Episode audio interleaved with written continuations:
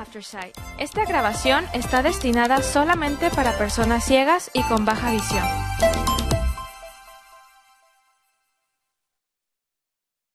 La programación regular de este podcast no está disponible en este momento.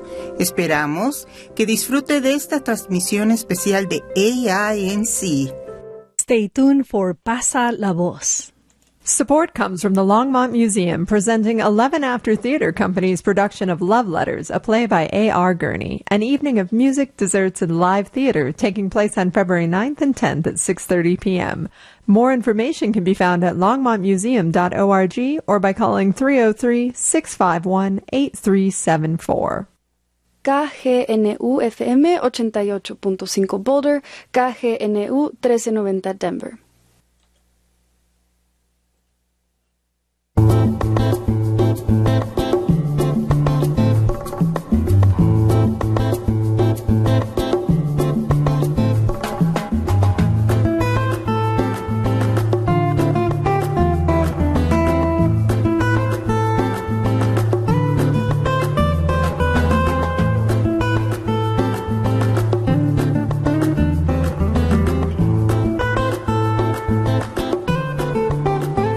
Welcome to Pasa la Voz, a radio show conducted in Spanish, which hopes to reach not only native speakers, but Spanish students looking to practice their skills. Our goal is to be a bridge between our communities and the resources available for their development and integration.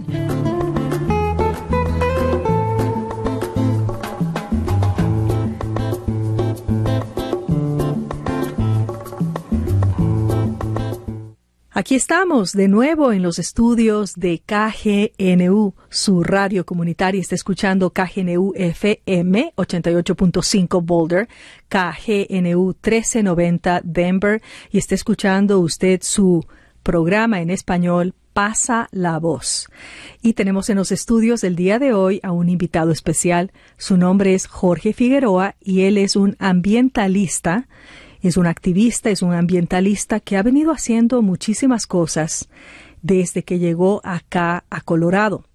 Pero actualmente él está trabajando para CASAR, que es la oficina de medio ambiente, de adaptación y de resiliencia de Denver. Tú trabajas más bien, digamos, para contrarrestar el racismo ambiental. ¿Cuál es el título que tienes, Jorge? Y bienvenido. Muchas gracias. Es un placer estar aquí. Como mencionaste, trabajo con, la, con el condado de la ciudad de Denver, con la Oficina de Acción Climática, Adaptación y Resiliencia. Eh, soy el gerente del programa de justicia ambiental. Absolutamente trabajamos con racismo ambiental eh, y social, ayudando a las comunidades marginadas eh, de Denver a um, protegerlas de la contaminación que se ha acumulado por generaciones y desarrollando programas para rectificar esta injusticia. Y recientemente has tenido una promoción, un premio por tu trabajo. Cuéntanos. Bueno, antes era um, el, el Community Partnerships Administrator. Fungía como un puente entre la ciudad, eh, el programa de nosotros, la Oficina de Acción Climática y el Fondo de Acción Climática eh, que tiene un, un requisito, es un fondo de 40 48 millones de dólares, eh, en donde se tiene que invertir la mitad, por lo menos 50%, con un enfoque de justicia social y justicia racial, mm. en inversiones que tengan que, um, inversiones que ayuden a eliminar la contaminación de aire, inversiones que ayuden a eliminar los gases de invernadero que causan cambio climático, e inversiones también em, que ayuden a la ciudad y a las comunidades marginadas a adaptarse a los impactos de, cambio climático. Estuve trabajando varios años en esa función como embajador del, programa y del fondo y ahora me dieron una promoción para crear un programa nuevo, un equipo nuevo con un enfoque específicamente en justicia ambiental. Es el primer programa de justicia ambiental de la ciudad. Hmm. Maravilloso. Pero además has estado acá, tú en Boulder, haciendo otras cosas eh, que tienen que ver muchísimo con el medio ambiente. Yo recuerdo hace mucho tiempo cuando Irene Vilar empezó su activismo y su accionar aquí en la ciudad de Boulder y trajo este montón de gente y yo recuerdo incluso teniendo que ir a recoger a las personas y Juno Díaz vino a este, a este primer lanzamiento y recuerdo haberte visto ahí y también ayudándonos a todos, todos los latinos nos unimos alrededor de esta realidad del cambio climático y en ese tiempo yo recuerdo que hasta se nos vino el cielo encima y nos cayó una lluvia que no paró. Esto fue en el año 2013. Recuerdo Em, brevemente que tú estuviste también parte de este movimiento. A ver si nos das un poquito tu historia del tiempo que has estado acá, el trabajo que has hecho previo a estar ahora trabajando en este puesto importante en Denver. Sí, yo he estado viviendo aquí en Boulder y en Colorado desde el 2009. Em, he estado trabajando primero con una coalición de gobernadores, como 10, 15 gobernadores que representaban eh, en aquel momento 25% de todos los bosques tropicales del planeta. Y estaba desarrollando política pública para em, ayudar a las comunidades que viven en los bosques, en estos bosques, participar en un programa de un mercado de eh, Avoided Deforestation, que es un mercado de, de carbono, pero en vez de eh, vender créditos de carbono ah, mediante crear bosques nuevos, es eh, vender créditos de carbono protegiendo bosques que tienen una tremenda riqueza biológica, pero que están amenazados bien y eso es alrededor del mundo, ¿no? Alrededor del mundo me estás hablando de esto. Sí, Qué maravilloso. Nigeria, México, en Chiapas, mm. el gobernador de Chiapas, yo creo que todavía es parte de esa coalición. Em, y fue el, primer mercado de, de este tipo de modelo de proteger bosques que están seriamente amenazados y si no si, si no proteges el bosque con este programa puedes demostrar que el bosque se hubiera completamente deforestado. Mm. Pero imagínate, deforestado ecosistemas completos, e incluyendo, eh, sí, uno de los, de, los ecosistemas más ricos en cuestión de biodiversidad en el Amazonas, en Brasil. Teníamos la participación de cuatro o cinco estados en Brasil. El, en en Indonesia, mm. en Nigeria, como mencioné en Chiapas. Y estuve un año trabajando con ellos y después estuve como ocho años trabajando em, aquí en, Boulder con una organización eh, ambiental sin fines de lucro con un programa de, de agua. Agua aquí en el oeste y en, en Colorado es, es una materia bien sofisticada, sumamente importante, como dicen los las naciones indígenas de acá, el agua es vida, ¿no? Pero um, tenemos tenemos eh, problemas de escasez de agua, ¿no? Y de sequía. Eh, y estuve siete, ocho años trabajando con desarrollando política pública eh, para planificar eh, cómo desarrollar el, agua, eh, proyectos de agua que puedan satisfacer em, las necesidades de largo plazo de las grandes ciudades que están creciendo mm. en la cuenca del río Colorado y en el estado de Colorado sin bancarrotar em, los sistemas de agua fresca eh, ecológicos, ¿verdad? Y también trabajando con política pública de agua, en, desarrollar programas de conservación de agua para ciudades. Y entonces, eh, el huracán María, en mi, en mi, en mi nación, primero vino Irma y después María. Y lo que yo estaba en ese tiempo diciendo, educando em, a los tomadores de decisiones a nivel municipal, estatal y federal, de que tenemos que prepararnos para lo que viene en el 2070, pasó en el 2017, con la devastación casi completa de la infraestructura, eh, de agua, de energía y de comida de, la agricultura en mi nación con el huracán María. Eh, fue como si una bomba de hidrógeno. Eh, una bomba atómica. Una bomba atómica de las más grandes que te puedes imaginar, como dos bombas atómicas. dos dos em, eventos extremos atmosféricos eh, arrasaron combinación. Y pues eso fue como un eh, una realización bien clara de que el cambio climático ya está aquí. Eh, y también bien traumática para boricua, puertorriqueños que viven en, Puerto Rico, que estuvieron sin energía ocho meses, como acampando en sus casas. Eh, y para boricuas que estaban en la diáspora, como yo. Entonces me, me con Irene Vilar y con, con AFCA, con Americas for Conservation and the Art, y ellos incubaron un, una visión que ya yo tenía trabajando por cinco años con innovación. Yo tenía un laboratorio, la visión de desarrollar un laboratorio de innovación, y entonces eh, fui el jefe de innovación de AFCA por varios años. Incubé el laboratorio, una organización mía de innovación social y ambiental, de justicia ambiental, pero trabajé con Irene para ayudar a los agricultores rurales a conseguir fondos eh, y desarrollar programas para ayudarlos a volver a, hacer su trabajo.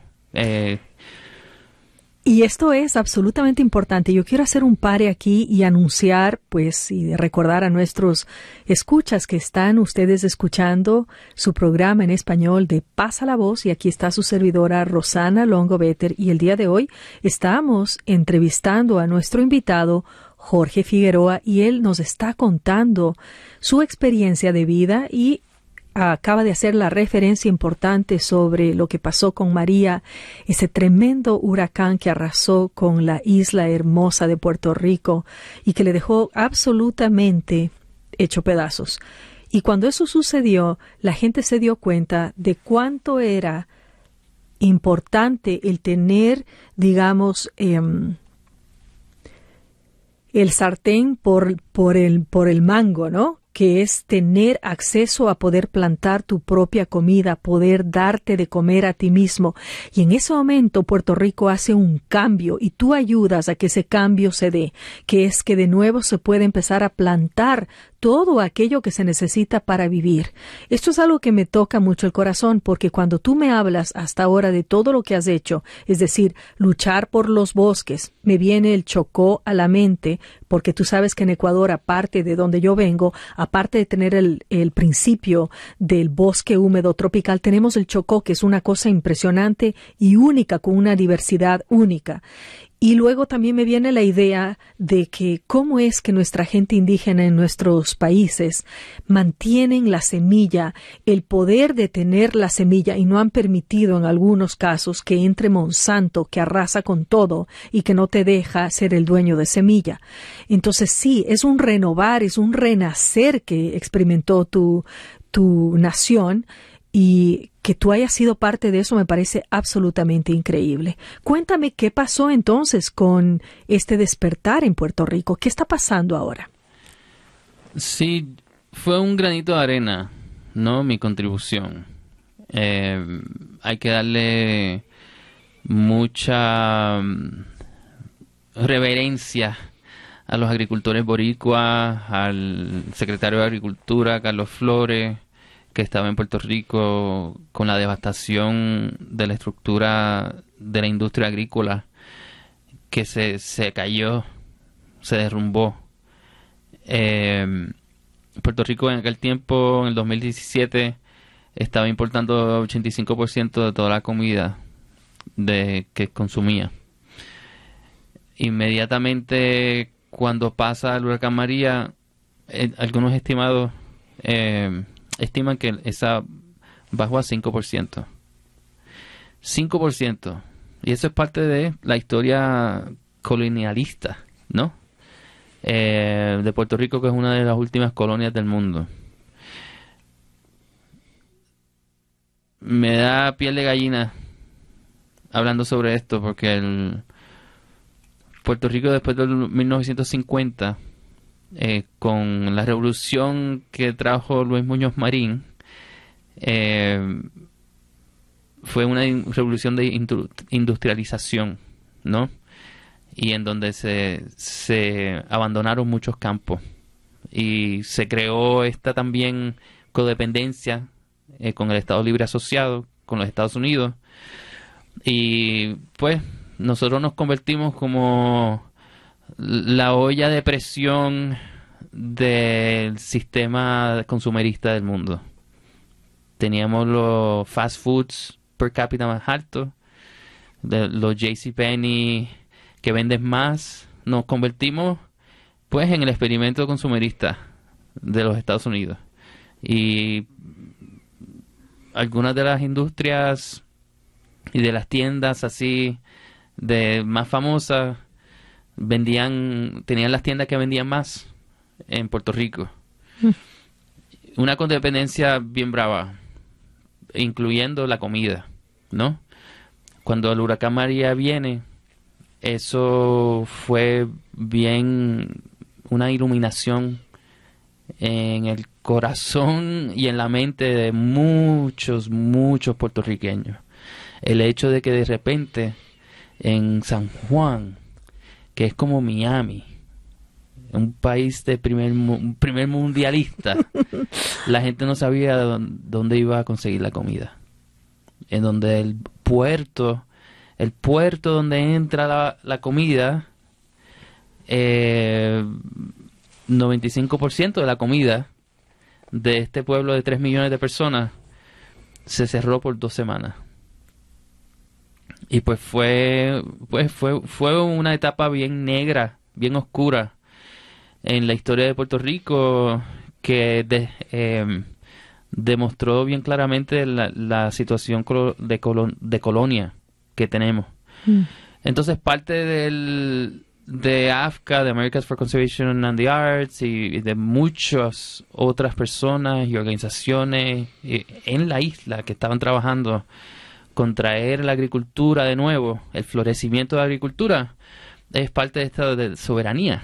La soberanía de nosotros tenemos en Puerto Rico de los suelos más diversos del mundo. Esta pequeña isla de 100 por 35 millas. Mm. Eh, científicamente. Tenemos unos suelos ricos, fértiles, y tenemos el poder y la habilidad y el conocimiento de poder crecer la comida para nosotros mismos, sin depender de nadie. Y entonces, pues el secretario Flores, secretario de Agricultura, trabajó bien fuerte con los agricultores boricua eh, para traer de nuevo la producción dentro de como dos años. Eh, en dos años subió la producción de nuevo a donde estaba inmediatamente antes de María. Eh, pero en cuestión de este florecimiento, una de las otras cosas que el huracán María demostró es la necesidad de energía renovable. Entonces, ahora estamos en una revolución en Puerto Rico. Mm. Eh, para el 2050, eh, los planes son que toda la isla consuma energía limpia, que vamos a transformar eh, la generación de energía limpia. Nosotros tenemos una energía de, de petróleo, energía bien... Eh, bien, ¿cómo se dice? Dirty.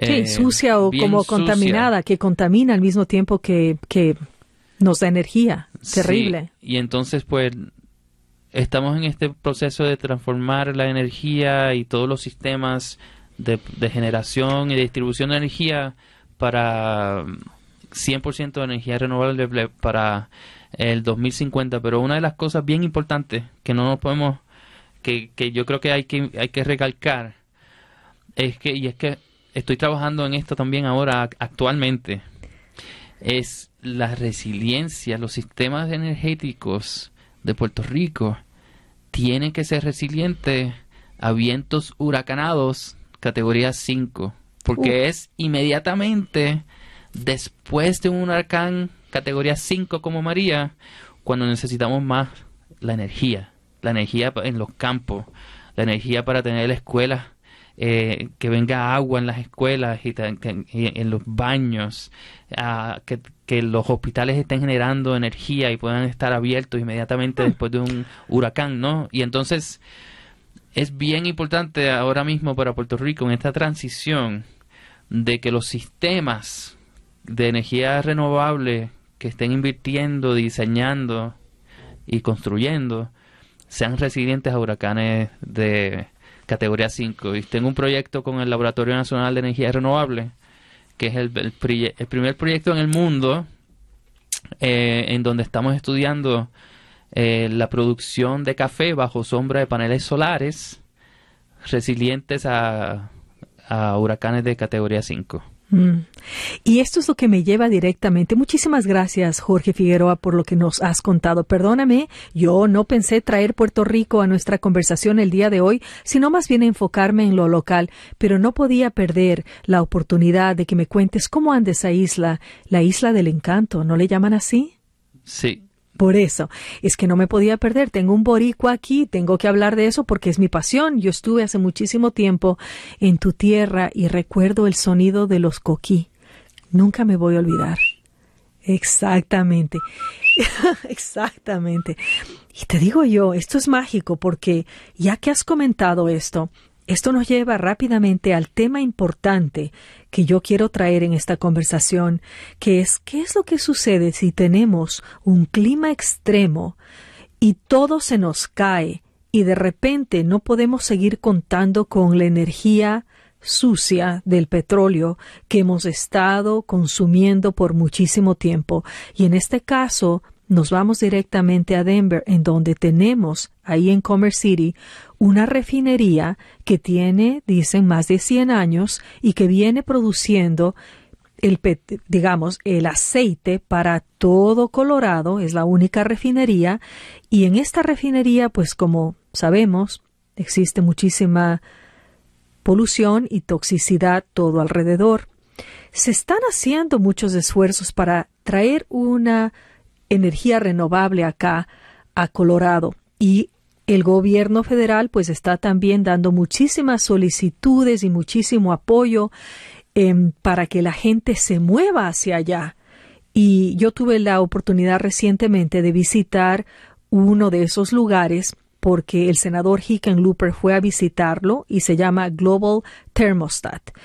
Esta empresa que tiene un, cilindro gigantesco que atrae el carbono de la atmósfera y lo transforma y lo limpia, está eh, solicitando tener un montón de dinero para crear más de estos cilindros y ponerlos cerca de las petroleras o de otras empresas o industria que está haciendo esto mismo de contaminar el aire para contrarrestarlo.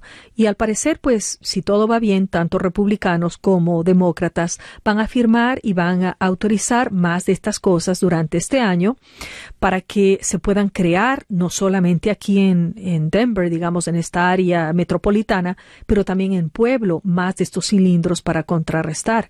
Pero es una técnica complicada y son muchos químicos y muchos ingenieros químicos los que trabajan ahí y quizás la cosa más importante es que cuando estaba ahí, Jorge, la conversación era así, que muchos de los que trabajan en la refinería, esos skills que tienen, esas habilidades, las pueden mover y empezar a trabajar ahí en, em, en estos thermostat. Porque es casi la misma ingeniería y el mismo trabajo que tienen que hacer. Entonces había una como un momento como muy muy de mucha felicidad, de mucha emoción de todas las personas que estaban ahí, ejecutivos grandes, dueños de empresas, America, Carbon America y todo el mundo. Em, y bueno, yo estuve ahí, les hice la pregunta y cómo esta tecnología va a ayudar a la gente que vive ahí porque seamos realistas, ahí en el Commerce City y en Swansea y en Reunion y toda esta área, nuestra gente latina mayormente indígena, nuestra gente negra, nuestra gente de bajos recursos viven ahí y están siempre expuestos a la polución. Y cuando yo le hice esa pregunta, tranquilamente el, senador, el senador me dijo, no podemos deshacernos de Sancor.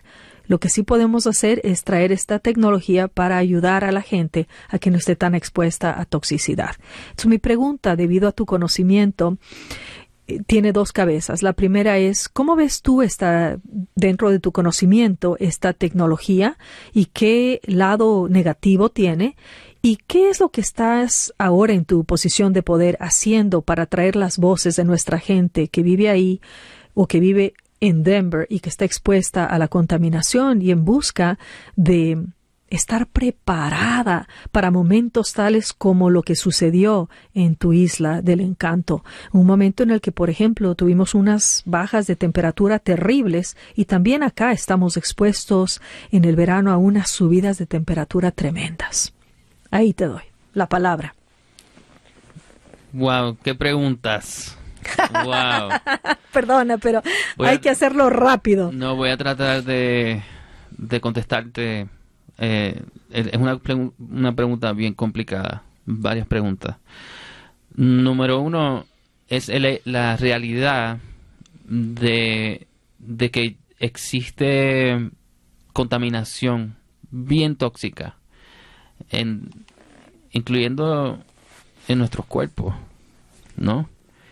Porque estamos respirando, tomando agua, comiendo comida que está contaminada, ¿no? Sistémicamente, nuestras comunidades están contaminadas, nuestro aire está contaminado, nuestra agua está contaminada. No hay nada, ningún ecosistema en el planeta que la contaminación no lo toque.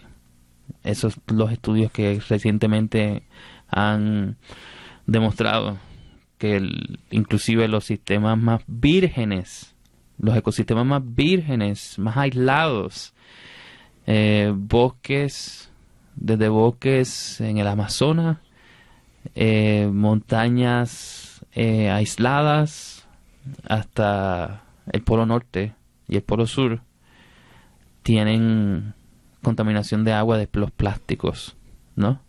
Los PFAS se llaman. Y pues eso es un problema bien serio en, en donde también hay que trabajar junto con el problema de cambio climático.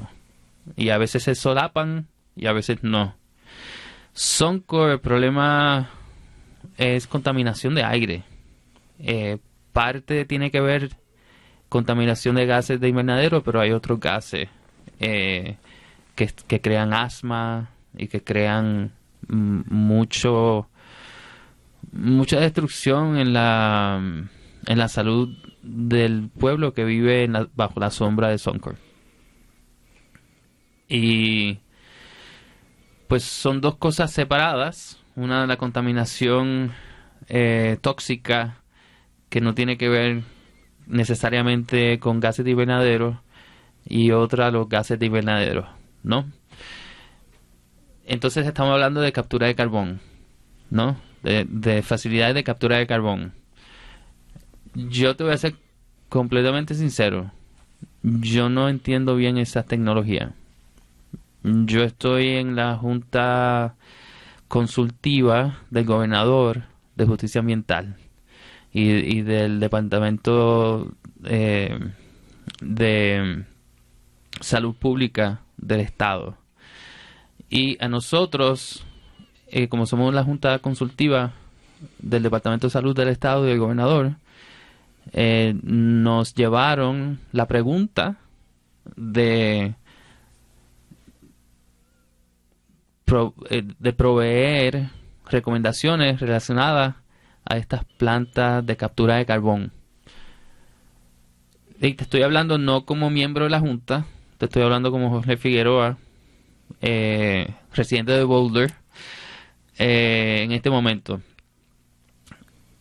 La mayoría de la, de, de la Junta, yo asumo que no eran expertos, no somos expertos en esta tecnología. Cuando nos llevaron, yo pedí, porque yo era el, copresidente de la Junta en ese momento, y yo le pedí al Estado que nos diera una presentación sobre pues la, la tecnología, los impactos, los costos, para nosotros poder dar una recomendación informada, ¿no?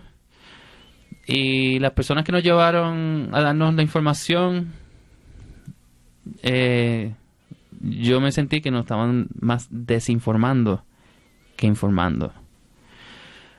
Entonces, nos dieron un tiempo limitado para proveer recomendaciones y yo creo que las recomendaciones de nosotros, porque en, en, realidad no, yo no sé mucho sobre esto, fue una recomendaciones de precaución ante esta tecnología. Número uno, nosotros recomendamos que para eh, la, la construcción de estas facilidades no se deben de construir en comunidades como las de Commerce City. Comunidades donde hay acumulación, un legado de acumulación de contaminación. Esas comunidades se deben de proteger de esas facilidades. En el, durante ese proceso yo hice investigaciones y los impactos así más grandes que yo que yo encontré de estas facilidades es en la red de tuberías, de pipelines que hay que crear desde la planta donde está contaminando a la planta donde va a estar eh, procesando y capturando y guardando ¿no? el carbono. Eso requiere unas tuberías de millas eh, que pueden eh, leak, perdón mi Spanglish. Está bien. pero también que tienen impacto para la construcción de esos tubos y de esas tuberías grandes eh, sobre los ecosistemas de tierra, ¿no? Que pueden fragmentarlo y pues nada, mucha construcción eh, en, en un ámbito geográfico de millas. Y bajo la, política pública de precaución, también nosotros recomendamos que los impactos de estas facilidades de captura de carbono tienen que ser evaluados bien para, para entender bien cuáles son los impactos negativos en, a través de todo el ciclo del proceso. Y no solamente identificar bien los impactos, pero también mitigarlos y rectificar los impactos, para que últimamente el impacto final de este tipo de facilidades eh, no sea negativo negativo en especial para las personas que están viviendo cerca. Muchísimas gracias por esa explicación y bueno, es una técnica nueva, vamos a ver qué va a suceder, pero hay muchísimas otras alternativas que tu departamento justamente se está enfocando. Pero para llegar a eso, como nos comentabas tú, tuvieron que hacer una serie de ah, preguntas a la comunidad, unos surveys, y de nuevo traemos la palabra en inglés porque así es como es.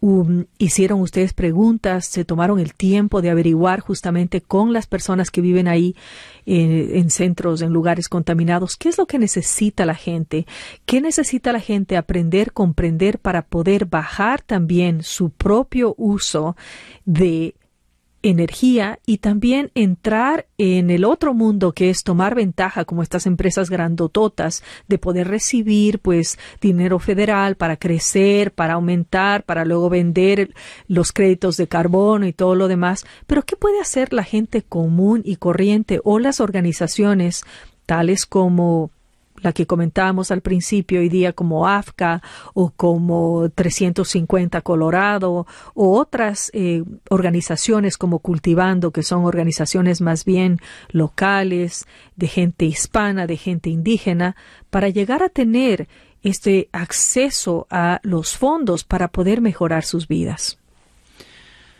Sí, todavía no te contesté completamente la, la primera pregunta, que tenía como dos o tres preguntas. Pero voy a tratar... soy, perdona. No, pero está bien. Yo quiero pues nada, aclarar bien que número uno, en las plantas de, de captura de carbono, eh, la, esa evaluación no tiene que ver con la ciudad de Denver, sino con la, la junta de, consultiva del gobernador y del estado eh, del programa de salud pública del estado que yo soy parte de miembro de esa junta. Exacto, es como que tú te voluntarizas en esa parte, das de tu conocimiento y tu trabajo es otra cosa. Perfecto, gracias por la aclaración. El trabajo de la ciudad de Denver no, no tiene injerencia con, con Soncor. Pero para, fin, para terminar el, la primera pregunta que tenía, eh, nosotros tenemos que decarbonizar nuestra economía, ¿no? Eh, la meta de que no, no tengamos emisiones eh, eh, dirty, sucias, y que, que, sea que todos los sistemas eh, de generación de energía se hagan con y el consumo de energía sea a base de energía limpia, energía renovable. 100%, ¿verdad? Esa debería ser nuestra meta. El, la, el estado de Colorado ha encontrado que en los planes y en, las tecnologías existentes hay ciertas industrias que es bien difícil decarbonizar, ¿verdad? Y dentro de, de ese, e, e, ese porcentaje, que es un porcentaje pequeño, no sé si son como 10% o menos, ese es el porcentaje que las plantas de captura de carbón eh, van a ayudar a, a, limpiar el carbón de la atmósfera, ¿no? Eh, pues esa, es la, razón de ser desde el punto de vista del Estado de invertir en estas plantas. También es un incentivo bien grande que el, que el gobierno federal venga y, y dé millones y millones de dólares para alguien que quiera construir una planta y pues eh, es como que desarrollo económico es bien atractivo, ¿no? Eh, recibir cientos de millones de dólares para, para de inversión también existe la, la, la mm, perspectiva de que, wow, para el 2050, de aquí al 2050 pueden existir y se, pueden desarrollar unas tecnologías y unas innovaciones que ni, ni podemos estar comprender ahora mismo, ¿no? Eh, con en cómo se está mm, desarrollando la innovación ahora mismo en la tecnología, ¿no? Que es una de manera exponencial.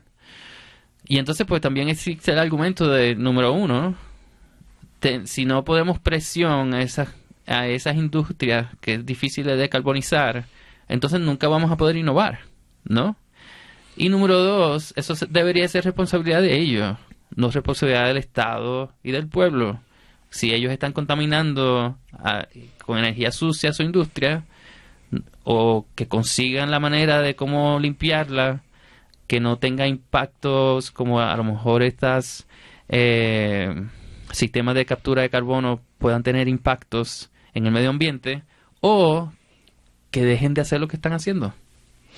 Porque no hay, a lo mejor, eh, en la álgebra económica social, no se puede justificar eh, contaminar eh, una industria que contamine y, que sea pues eh, negativa para la salud del pueblo. Entonces, eh, eso está, eso es parte de la, del, de la, del, de los procesos, de los análisis, de, de, las inversiones que necesitamos, es parte de los cálculos, ¿no? Que tenemos que hacer en política pública de cómo vamos a decarbonizar nuestra, nuestro mundo, ¿verdad? Entonces la ciudad de Denver, separado de todo eso, es como que una la, gota de agua budista que refleja el universo, ¿no? El, el, pueblo de Denver ha sido bien progresista en cuestión de cambio climático y nosotros estamos tratando de hacerlo nosotros mismos. En nuestra gotita de agua, nosotros queremos, eh, tenemos unos, unas metas bien radicales en cuestión de energía limpia. Y tenemos una meta para el 2040, eh, vamos a queremos decarbonizar todos los edificios de la ciudad. Bien radical, revolucionaria. y entonces eh, el City Council de Denver, eh, ¿cómo se dice City Council en, español? El Consejo de la Ciudad. Sí, el Consejo con el pueblo que votó eh, creó el Fondo de Acción de Protección Climática. Entonces tenemos unas leyes, ordenanzas en la ciudad que requiere de decarbonización, ¿verdad? Ese es como que el, palo.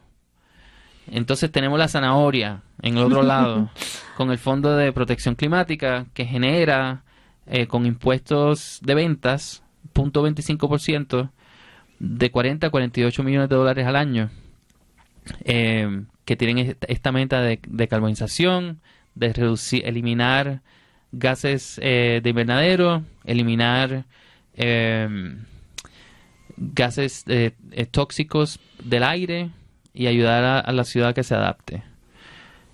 Y entonces, dentro de, de ese ecosistema que tenemos de política pública de, de, acción climática y de protección climática, es donde entran estos estudios que yo he hecho, ¿no?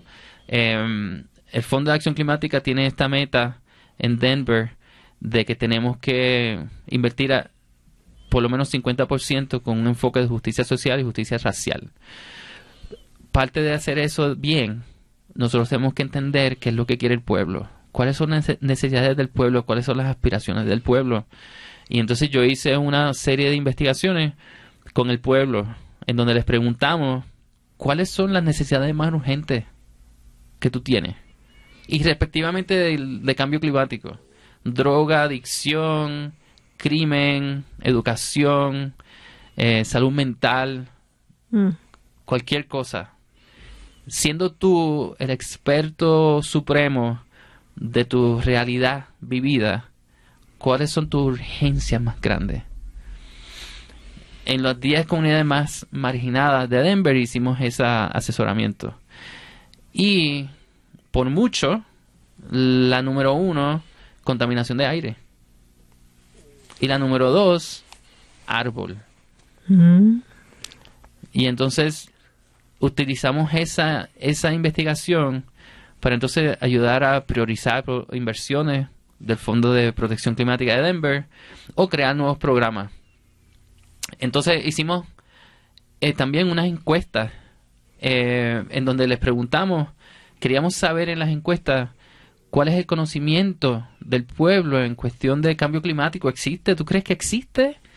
Eh, ¿Tú crees que te va a afectar eh, la salud tuya y de tu familia en los próximos 10 años? ¿Que te va a impactar? ¿Y tú crees que tú puedes eh, hacer algo al mm. respecto? Mm. Y esa otra encuesta que hicimos fue bien interesante. nos sorprendimos mucho. Porque número uno, nos encontramos que no tenemos que convencer al pueblo ni educar mucho al pueblo de que el cambio climático existe, que lo estamos causando los seres humanos y que va a impactar la salud de nosotros y de nuestra familia en los próximos 10 años. Más del 80% de todas las personas encostadas eh, se sienten bien fuertemente de que eso es así. Entonces, también fue bien sorprendente porque esta encuesta era parte de una campaña de concientización y educación sobre cambio climático. Nos encontramos con la realidad de que no tenemos que hacer esa campaña porque ya el pueblo entiende todo eso bien, ¿no? Esa campaña también tenía un componente de acción climática. Y entonces también incluimos en la encuesta, ¿tú crees que puedes hacer algo al respecto? Mm. Igualmente, al mismo nivel de, de, sorpresa, nos encontramos que el pueblo cree que no tiene poder, que no tiene la habilidad de hacer algo, que no puede hacer nada al respecto. Mm. Y fue bien, bien sorprendente porque podemos hacer mucho. Tenemos muchos, muchas soluciones que no cuestan nada. Tenemos muchos incentivos existentes a nivel municipal, estatal, federal, que podemos uti- utilizar de acción climática. Y pues nos, nos dimos cuenta de que la, la campaña de concientización y de educación se tiene que enfocar en educar al pueblo y que para que el pueblo entienda de que sí, que podemos tomar acción. Jorge, y entonces cuando hablas tú de la acción, por lo menos si me puedes enumerar de o sea, enumérame por favor para que nuestra gente que nos esté escuchando el día de hoy sepa que existen estas posibilidades y tengamos un poco de esperanza porque por un lado, y así es como yo lo veo, pues empresas gigantescas quieren hacer uso del deseo de descarbonizar y lucrar de eso. Y por otro lado está la gente afectada sin tener ninguna idea, sin tener ninguna injerencia y sin saber realmente dónde puede y cómo puede cambiar su uso y mejorar su vida y su salud frente a una realidad que ya no la podemos parar. Enumérame por lo menos qué cosas podemos hacer, hombre, que si no la urgencia me entra aquí. Sí, hay muchos fondos ahora mismo para um, vehículos eléctricos. Eh, hay fondos para bicicletas eléctricas. Ah, hay fondos para um, personas que califican en cuestión de cuánto están generando en su trabajo o no generando eh, para um, reducir el consumo de energía en sus casas, en sus hogares. Hay fondos para si, si, eres un, si eres dueño de tu propiedad y de tu casa, para em, para alejarte de lo que es el ah, gas, ¿no? Eso es lo que sé, porque yo, por ejemplo, a mí me gustaría hacer ese cambio, porque yo tengo eh, una cocina de gas y también tengo un, eh, un, ah, digamos, un calefactor que se prende por el gas y que yo siempre digo, ¿cómo hacemos ese cambio? Porque nos costaría muchísimo. Tal vez yo no lo puedo hacer. Cosas de ese tipo. Entonces, tú me dices a mí que existen fondos en donde la gente puede aplicar y puede recibir estos, estos, estas ayudas para hacer la transición. Pero seamos realistas, Jorge. ¿Cómo podemos aplicar estas cosas cuando nos piden miles de papeles, que nos metamos al Internet, que llenemos y demos, pero de todo, ¿no? Todos los detalles de nuestra vida, de mañana, tarde y de noche. Tenemos tiempo los latinos, tenemos tiempo las personas que tenemos dos, tres trabajos, tenemos además el conocimiento de que todo ese papeleo burocrático va a llegar a darnos la solución. Eh, es ¿cuál- complicado. pero ¿cuál es la alternativa? No. Pero unámonos entonces, Tenemos o sea, hacerlo. organizaciones que nos ayuden a caminar este proceso, ¿no? Absolutamente, pero tampoco podemos, tampoco nos podemos eh, tener apatía porque el proceso nos va a tardar tiempo. Porque estamos hablando la, de una necesidad bien importante, urgente, en cuestión de decarbonizar nuestra, pues, nu- nuestro sistema. Porque los, los cambios que van a, a- efectuar la contaminación de gases, de gases eh, de invernadero en el planeta entero, pero también en nuestras comunidades, va a ser unos impactos significativos, ¿no? Ya llegamos al punto en que, el- aunque pongamos todo limpio, de energía limpia, los impactos van a ser severos, ¿verdad? Y entonces tenemos que invertir también en adaptación. Y es nuestra responsabilidad. Si nosotros queremos que nuestros hijos estén protegidos y que nuestros hijos puedan tener una eh, eh, vivir plenamente, ¿no?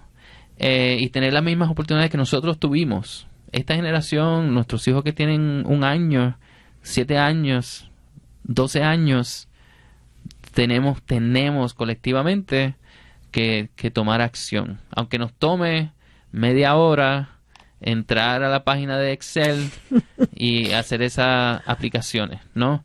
Eh, muchas gracias, muchas gracias por decir eso. Y ahí es cuando entonces viene tu accionar, tu trabajo maravilloso de tratar de dar acceso, que la gente no se sienta sola, que sí existen no únicamente los recursos, pero también personas que comprenden que se necesita todo un movimiento para que la gente aplique y entre dentro de esto. Y mm, ahí es entonces el punto en donde yo sí quiero permitirte que nos des la pauta a seguir y nos des la esperanza guiándonos, pero al mismo tiempo con la fuerza que tienes, que, que nos dices, no, no, no hay ninguna justificación. Usted tiene que hacer lo que tiene que hacer porque todos lo tenemos que hacer. Sí, y, como mencioné, hay muchas cosas que se pueden hacer eh, sin tener que estar eh, llenando aplicaciones. Y mi respuesta a ti, porque no, está bien eh, correcta, ¿no? En, en, las, en el hecho de que muchas familias necesitan asistencia, ¿no? Pero es, es que desde el punto de vista de Pablo Freire, por ejemplo, de que él escribió la pedagogía de la opresión, que es un, él, él describe que la liberación no se puede regalar. La liberación de la opresión el oprimido tiene que ganársela, ¿no?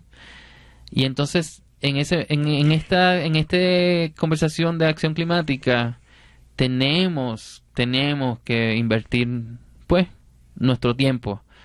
Por, por ejemplo, invertir el tiempo para plantar un árbol, ¿no? Un árbol es como adoptar un poppy, ¿no? Como adoptar un perrito. Tienes que ser responsable de ese árbol. Si lo vas a plantar, tienes que plantarlo en el, buen, en el, en el sitio adecuado, con la especie de árbol adecuado mm. y, y, darle mantenimiento a ese árbol, darle amor a ese mm. árbol, pero ese árbol te va a dar amor muchísimo más de la inversión que vas a poner, ¿no? Entonces, árboles eh, es una tecnología suprema en cuestión de adaptación y de mitigación de cambio climático, eh, una de, las causas de muerte más grandes en los Estados Unidos, en las ciudades relacionadas al cambio climático ahora mismo, es eh, el calor extremo, ¿no? Y plantar un árbol es como tener un aire acondicionado alrededor de tu casa. Y especialmente para chiquitos y para personas ancianas, tener árbol puede salvar vidas tener la sombra de árboles puede salvar vidas. Entonces hay organizaciones que se van a apuntar para poder plantar árboles. Y yo hice una historia sobre eso en la que yo seguía a un grupo de gente que no únicamente plantaba los árboles, pero les ponía esporas de hongos por debajo para que este árbol tenga, pues digamos, el sustento em, alimenticio para que pueda sobrevivir climas extremos como los tenemos aquí, el frío, el calor, la sequía, o lluvias extremas incluso, donde todo se nos viene para abajo. Sí, Susa de Promotores Verdes, del grupo de Irene, eh, eh, tiene ese, ese iniciativa de hongo. Sí, los árboles son importantes y las organizaciones sin fines de lucro que están haciendo ese trabajo, como Promotores Verdes, como Cultivando, em, como The Park People, están haciendo un trabajo bien importante para la comunidad y la data está enseñando que la incrementación de soluciones de acción climática a nivel comunitario con estas organizaciones puede subir hasta 100% cuando tienes promotores, cuando tienes eh, personas que sirven como un puente entre los recursos y las comunidades marginadas, ¿no?